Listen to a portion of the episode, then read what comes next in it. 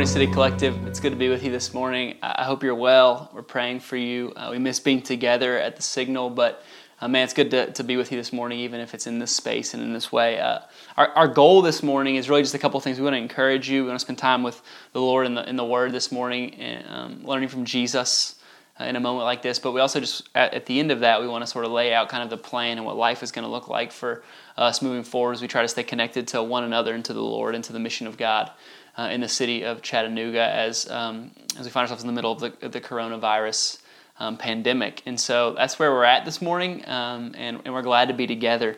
I'm thankful for the technology that allows us to be together in a moment like this. So uh, if you have your Bibles, John chapter 20 uh, is where we'll be this morning. I just want to read from um, a moment in the life of Jesus after the resurrection of, of King Jesus as he encounters his disciples for the first time on the other side of death. So this is the word of the Lord from John chapter 20. We'll be starting in verse 19 uh, read together there um, from the life of Jesus. Starting in verse 19, John chapter 20. On the evening of that first day of the week, when the disciples were together with the doors locked for fear of the Jewish leaders, Jesus came and he stood among them and he said, Peace be with you. And Jesus came and he stood among them and he said, Peace be with you. Verse 20 After he said this, he showed them his hands and side. And the disciples were overjoyed when they saw the Lord. Then again, Jesus said, Peace be with you. As the Father has sent me, I am sending you. And with that, he breathed on them and he said, Receive the Holy Spirit. There's a, a moment in the life of Jesus and his earliest followers. And just before this, in chapter 19, John tells us of the death of Jesus, that he was hung on a cross, murdered by the Roman Empire that he was buried in a tomb that belonged to uh, one of his followers, Joseph of Arimathea. It wasn't even his own tomb. That, that in the tomb of Joseph lay dashed and broken the dreams of the disciples, right? The hope of the kingdom of God in so many ways that they've been waiting on, that Jesus said he was ushering in. It was buried with Jesus on that Friday evening in the tomb of Joseph. And they find themselves now gathered on Sunday evening this amazing thing has happened. Mary has come back to them, one of the followers of Jesus. She's come back and, and she's told them that she had an encounter with the risen Lord Jesus, like outside the tomb, that she went to the tomb and it was empty and she saw Jesus. And so the disciples, they find themselves in this moment, right, of great fear, of great tension, of muted hope, of confusion. And as they gather together behind locked doors on a Sunday night, Jesus appears to them now, I don't know about you, but this, this text in this moment in the life and ministry of Jesus has just been like bouncing around in my heart all week. I think it's maybe easier today than most days for us to read a story like this and to find ourselves in it, to identify with the confusion and the fear, like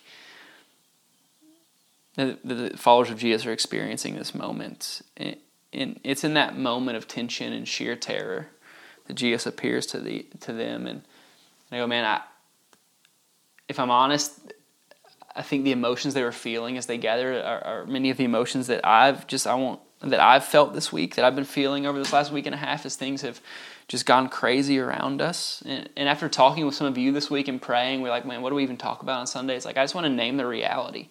I want to name the reality that some of us this week have lost our jobs. Like some of us lost, has, have lost our jobs, and it's scary. Like it's really scary to think about how we're going to pay the rents the unknown and the uncertainty of all of that. It's it's scary to think about what a career looks like as a college student after this. Like it all feels like it's just been tossed up in the air and and at the at the base level there are people in our city and people in our church family who like it's really scary to think about where the groceries are coming from next week.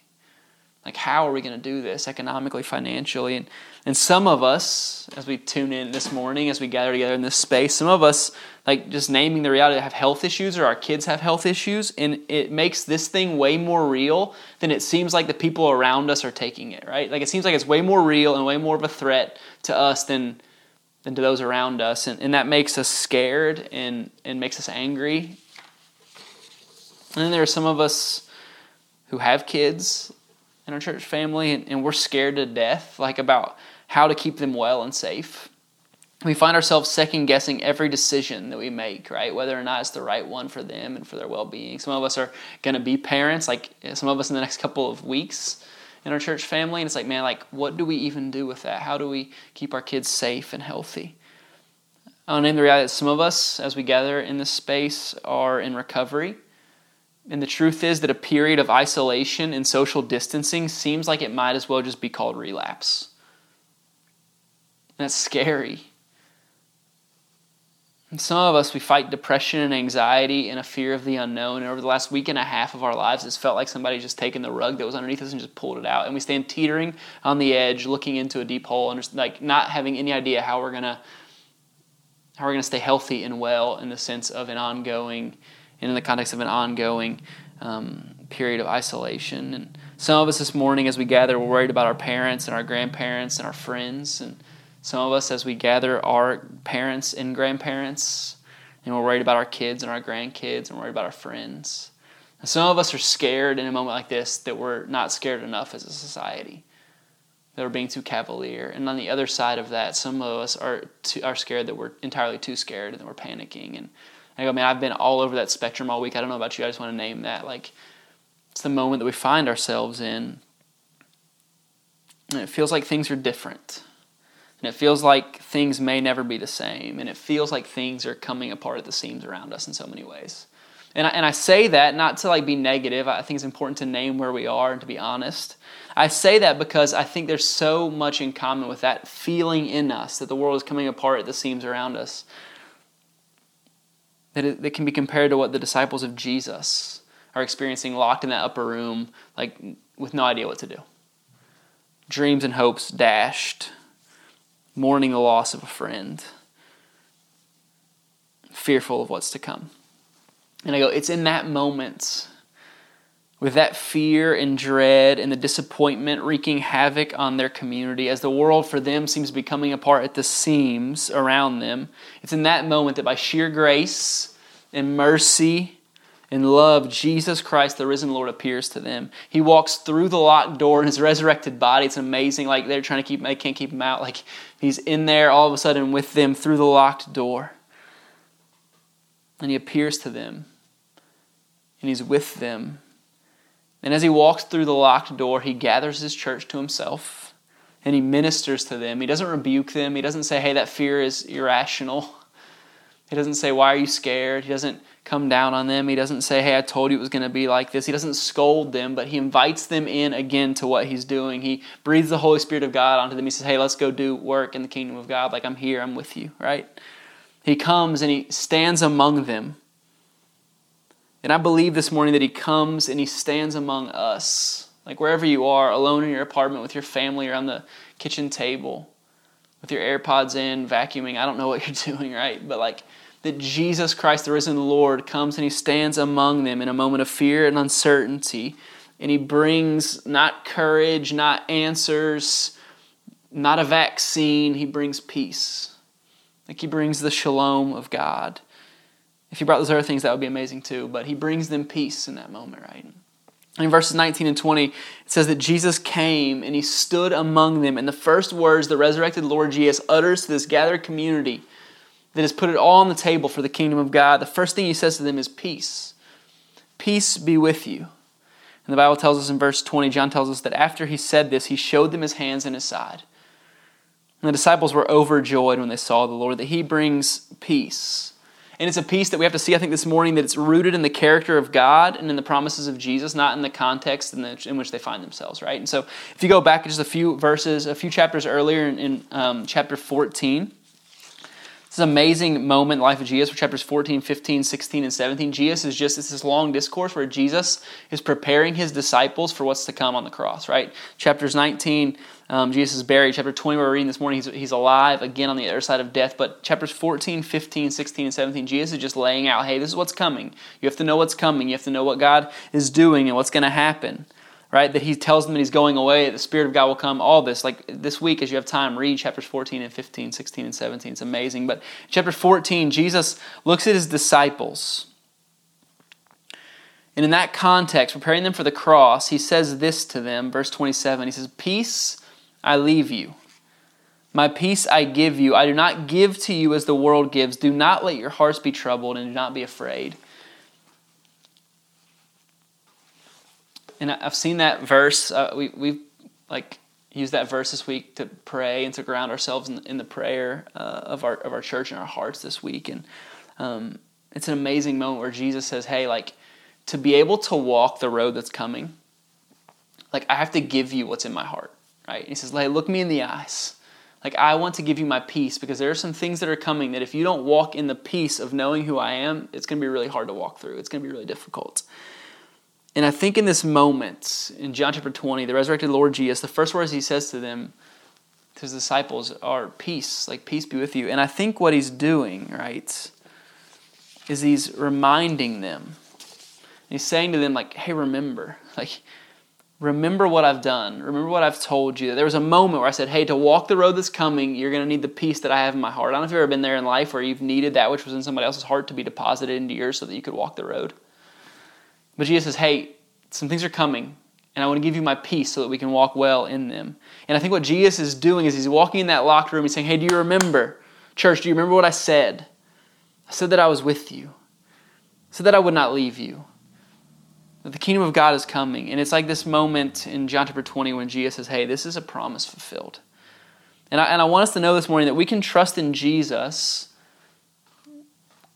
and we can have peace not because things are going well but because we know the character of God, because we know that He's faithful, because we know that He keeps His promises and that He will do what He said He will do.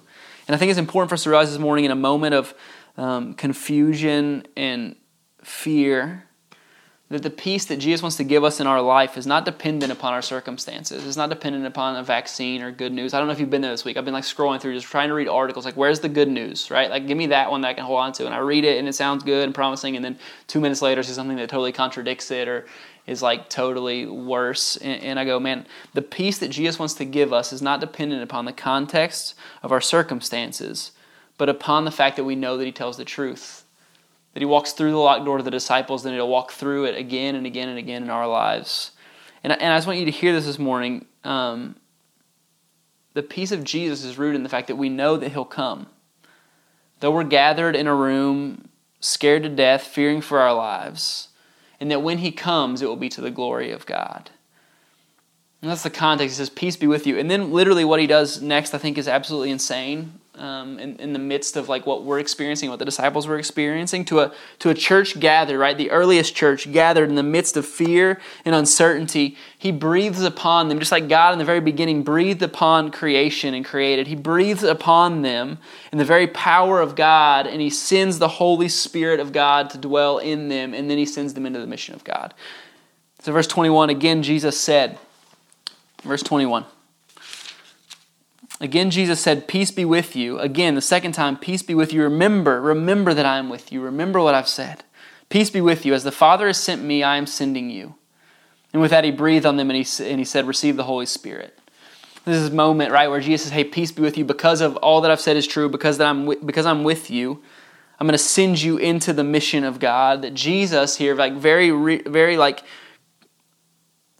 very really, he goes first into the victory of God that he goes first. And on the other side of death, he stands in a room full of shaking and terrified men and women like me and you. And he says to them, This, like this, look at me. This is the reality of the kingdom of God come. And you have to hear this this morning that, that though the enemy has thrown his best shot against the kingdom of God, and though it seems like you've lost, right? Like, like I was dead, I was buried, though it seemed like you lost, that's not what's happening. Though it seems like things are over, though it seems so bleak, though it seems so hopeless, you have to know this morning that the kingdom of God stands in victory. And he says, Look at my hands and look at my side. And you have to hear this this morning. This is so important. He says, That which you feared the most, right? Like to the disciples gathered in the upper room, what is it that you feared the most? Jesus, we can do everything, right? As long as you're with us. That which they feared the most, it had to be like Jesus gone, Jesus dead, Jesus buried. And he says to them, That which you fear the most that which caused you and has been causing you and is currently causing you the greatest uncertainty and fear and anxiety. He says, Guess what? Like, look at my hands, look at my side. It happened. Like, it happened. It happened. But to the glory of God, it has no power. And I think what Jesus would say to us gathered this morning in the places that we are, in the spaces that we find ourselves, is that the peace of the kingdom of God it comes not because those things that we fear mo- most don't happen, right? That the peace that Jesus gives his church is a peace that knows that come what may, living in the uncertainty that we find ourselves in and the fear that we find ourselves, come what may, The peace that Jesus gives us is the peace of the truth of knowing that there is life on the other side of that which we fear the most. And he comes to his disciple and he says, Hey, this is the thing that you feared the most.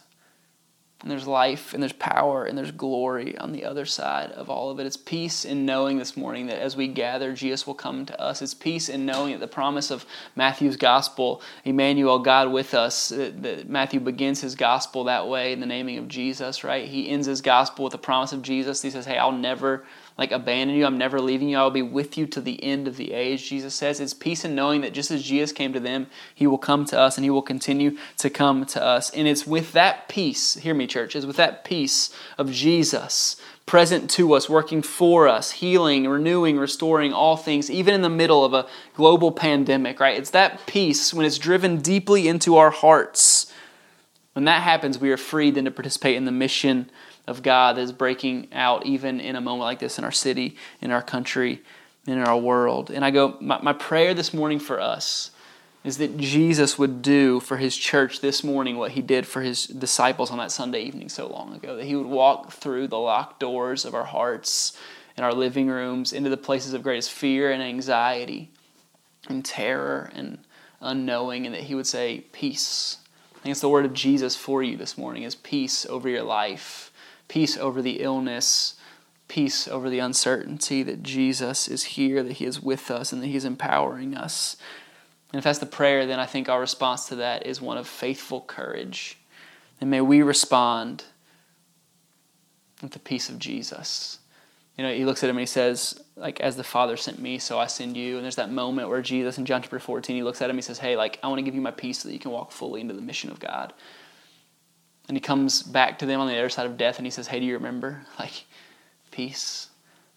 I think the invitation for us as a church family this morning is in spite of the fear, like in the presence of fear, in the face of the fear. Like not ignoring it, not belittling it, not like putting it to the side, but embracing it, knowing that there's a there's a greater story and a greater truth happening even in the middle, even when we find ourselves really afraid.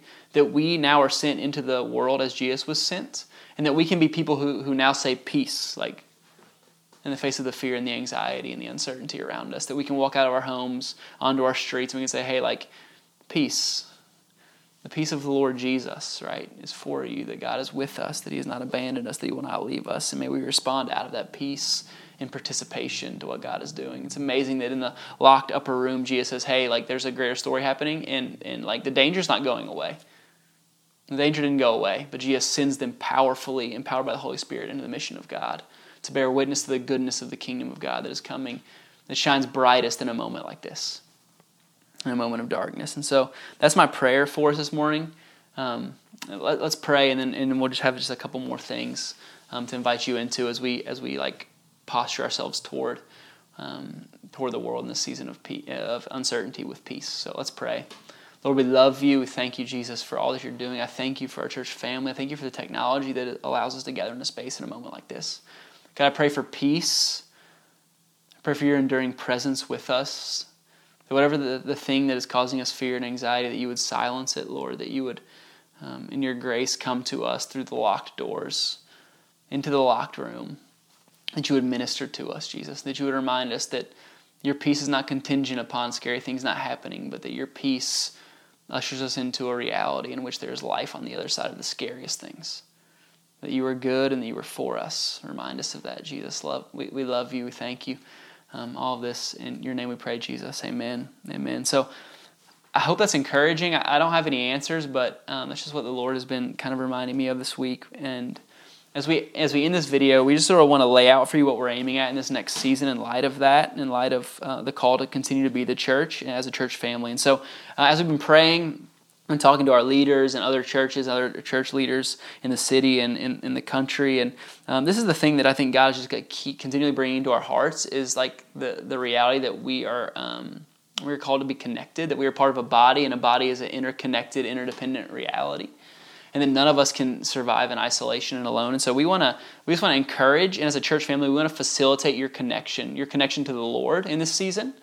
your connection to one another in this season, and then our connection as a church uh, family to the mission of God in the city of Chattanooga, that we can continue to bear witness to the goodness of Jesus, um, and maybe in opportunities uh, that are greater than we've ever seen in this season. And so, the first thing we're going to do to foster that sort of connection is uh, we're going to be running Zoom prayer rooms. And so, every Monday, Wednesday, and Friday at noon, and then every Tuesday and Thursday at 6 p.m., we're going to be posting a link on our social media and through email on our website that you can click on and that you can join a room full of people from our church family and maybe the community. I don't know. We can fit 100 people in the, in the room, I think. So let's fill it up um, where you can participate with us in just a, moment of guided prayer, public digital prayer, which sounds weird to say, but I, I guess that's what we're going to be doing, right? So, guided times of public prayer, of interceding, of lamenting, of praying scripture over one another, of listening together for the Holy Spirit. And we'll be doing that sort of in, in guided prayer rooms Monday, Wednesday, Friday at noon, Tuesday, Thursday at 6. There'll be a link on our social media for that, um, as well as public guided prayer in Zoom. Uh, Zoom uh, prayer rooms, we're going to be doing individual prayer as well. And so, if you want to pray, if there, if you feel like, hey, like we're just going to try to move our, if you feel like you want to pray, we're going to move our respond team and our respond ministry just online. And so, you can DM us on social media, send us an email to info at citycollectivechat, c h a t t dot com and we'd love to set you up with a, church leader from our church family or somebody on our respond team to pray with you. Um, there'll also be a form on our website that will go directly to our respond team, and we'd love to set something up with you either on a phone call or via FaceTime. We want you to feel connected and, and seen and known and loved and supported. We'd be honored to pray with you in that space. Um, another thing that we're going to do, I'm really excited about this. Brooks is going to start a podcast, um, which I think is a dream that he's always just sort of been setting on and waiting for a moment like this to do it. So he's going to start a podcast. Actually, we've already recorded some of the episodes. It's called Connected. And all we're trying to do in that space is just allow you to connect with people in our church family. And we have this like audacious, sort of like crazy prayers we're praying. Like the reality, I think, maybe that God might be inviting us to be better connected to one another after this season than we were before it began. And I know that's crazy because it's a period of social distancing and all of that, but like, what if God is inviting us into a season of deeper connection? And so part of the podcast is going to be, we're going to be like telling our family stories, interviewing members of our church family um, hearing about what they're doing in the season, what God is doing in their hearts, their story, how they came to faith, all of that. We'll also be using it for sort of helpful tips, spiritual formation um, exercises, and just anything that we can do to stay connected and to give you resources and opportunities to connect. So look for that as well on our website. Um, we're also really going to be trying to connect you to really good resources during this season. So we've kind of redone our entire website. Um, we're working on it now. And we want to just be a hub where you can go and then get really good content. So we'll be linking to other churches that we've gotten permission to share what they're doing during this season with you. And um, so there'll be links to podcasts and videos and teachings. And uh, we want to encourage you and there's a lot of really good content being produced and put out by the church in this season. So we want to help you to stay encouraged and grounded in this season. So if you're like wanting a good podcast or something to listen to, we will have that link as well. And then mission, like we really believe that like in this season we have the opportunity to connect deeper to what God is doing in our city. And so in so many ways, I think this is the moment that we've been preparing for. Like these are the moments I think when the church has the greatest opportunity to serve and to love, and that we've been praying to be formed missionally and spiritually for a moment like this. Um, and so we will post, and we, we have posted, and we will continue to post opportunities to love our city and neighbors well um, for our church family. And of course, that'll be within the context of like everything um, being responsible and appropriate in this season of social distancing. So there'll be opportunities to give to certain organizations in our city to donate goods, food, uh, things like that. But we'll continue to keep you updated on that. But our our like heart for you is is like lean into the mission of God and get creative with it. Give give your neighbors, your street, your apartment complex, your family, whoever it is, give them the gift of leveraging your creativity for their good in the, in the kingdom of God in this season. I think it's an amazing opportunity for us to be the church, to love one another. And then we just encourage you to like let us know how we can help you in that. So if there's something going on, if there's a need going on, please just email it to us um, let us know. So um, all of that can be found. Uh, we're going to put out a PDF with this with some prayer prompts as well. It'll be on there. It'll be on our website. It'll be on our social media. Just stay connected to us. And then I just encourage you, like, hey, like pray for someone in this moment in our church family, in your neighborhood that you know. Like pray for the Lord. Ask Him to give you a name, and then reach out and encourage.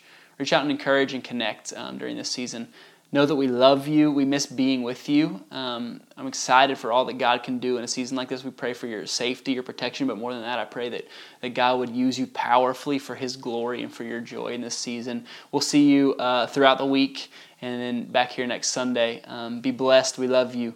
Um, go in peace. Bye.